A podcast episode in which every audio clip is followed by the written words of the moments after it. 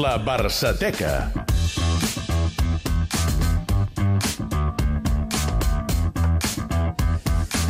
Eudal Serra, bona tarda. Bona tarda, Costa. Avui a la Barçateca mm, un protagonista que...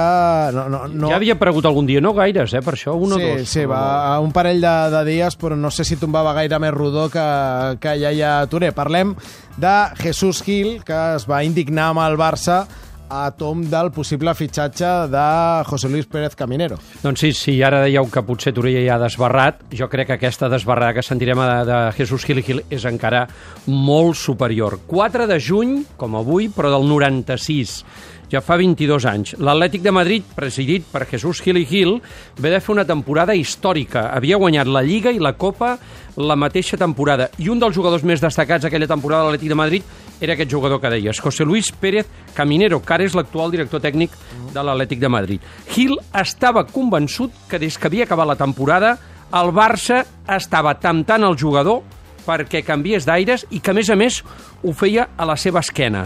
Gil, emprenyat, carregava així contra el Barça. Actúan, dije en una ocasión, de cuatreros. Siguen de rateros y no cambian. Es el sistema tradicional del seni catalán actual. Bé, Jesús Gil anava més lluny i anunciava que davant d'això contraatacaria, tot i que no volia dir què és el que faria. Yo no voy a decirlo, yo no acostumbro a hacer lo que hacen ellos, yendo por, con el navajeo por la espalda. Pero que se esperen, espérate que va a haber novedades. Rateros, rateros, navajeo... Navajeros, vaja, de tot. Mentrestant, què en deia de tot això el vicepresident del Barça, Joan Gaspar? Mira, jo eh, li transmeto un mensatge al senyor Gil i vostès li fan arribar com m'han fet arribar a mi aquest. Si el Barcelona ha parlat amb el senyor Caminero, jo li diré al senyor Gil que tota l'hora del món. I si no hem parlat amb el senyor Caminero ni hem fet cap gestió, demanaré que sigui un home i que demani disculpes públicament. Fixi si és fàcil.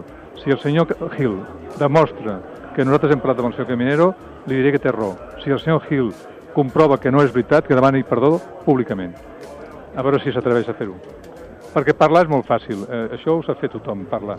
Ara, eh, parlar amb coherència i eh, sapiguent les coses com eh, es tenen que sapiguer, això ja és eh, més difícil. I el jugador afectat, i Caminero, què en deia? Mira, yo vuelvo a decir que yo no tengo nada, absolutamente nada con ningún equipo. Ni menos tanto que se habla de Barcelona. No tengo nada. O sea, no he tenido nada, ni me han llamado, ni a mi representante, ni he contacto, ni por medio de nadie. O sea, que no hay nada, absolutamente nada. No tengo ningún equipo. Bé, el cert és que no sabem ben bé què va haver-hi al tot, si el Barça el va tocar, si no el va tocar, si tenia propostes, no les tenia, si Jesús Gil tenia raó, no es va disculpar, però el cas és que Caminero no es va moure de l'Atlètic de Madrid i va continuar dues temporades més i va marxar d'allà el 98 quan va tornar al Valladolid, que és el club d'on havia sortit, i on es va retirar el 2004 amb gairebé 37 anys. Gràcies, Eudal. Adeu.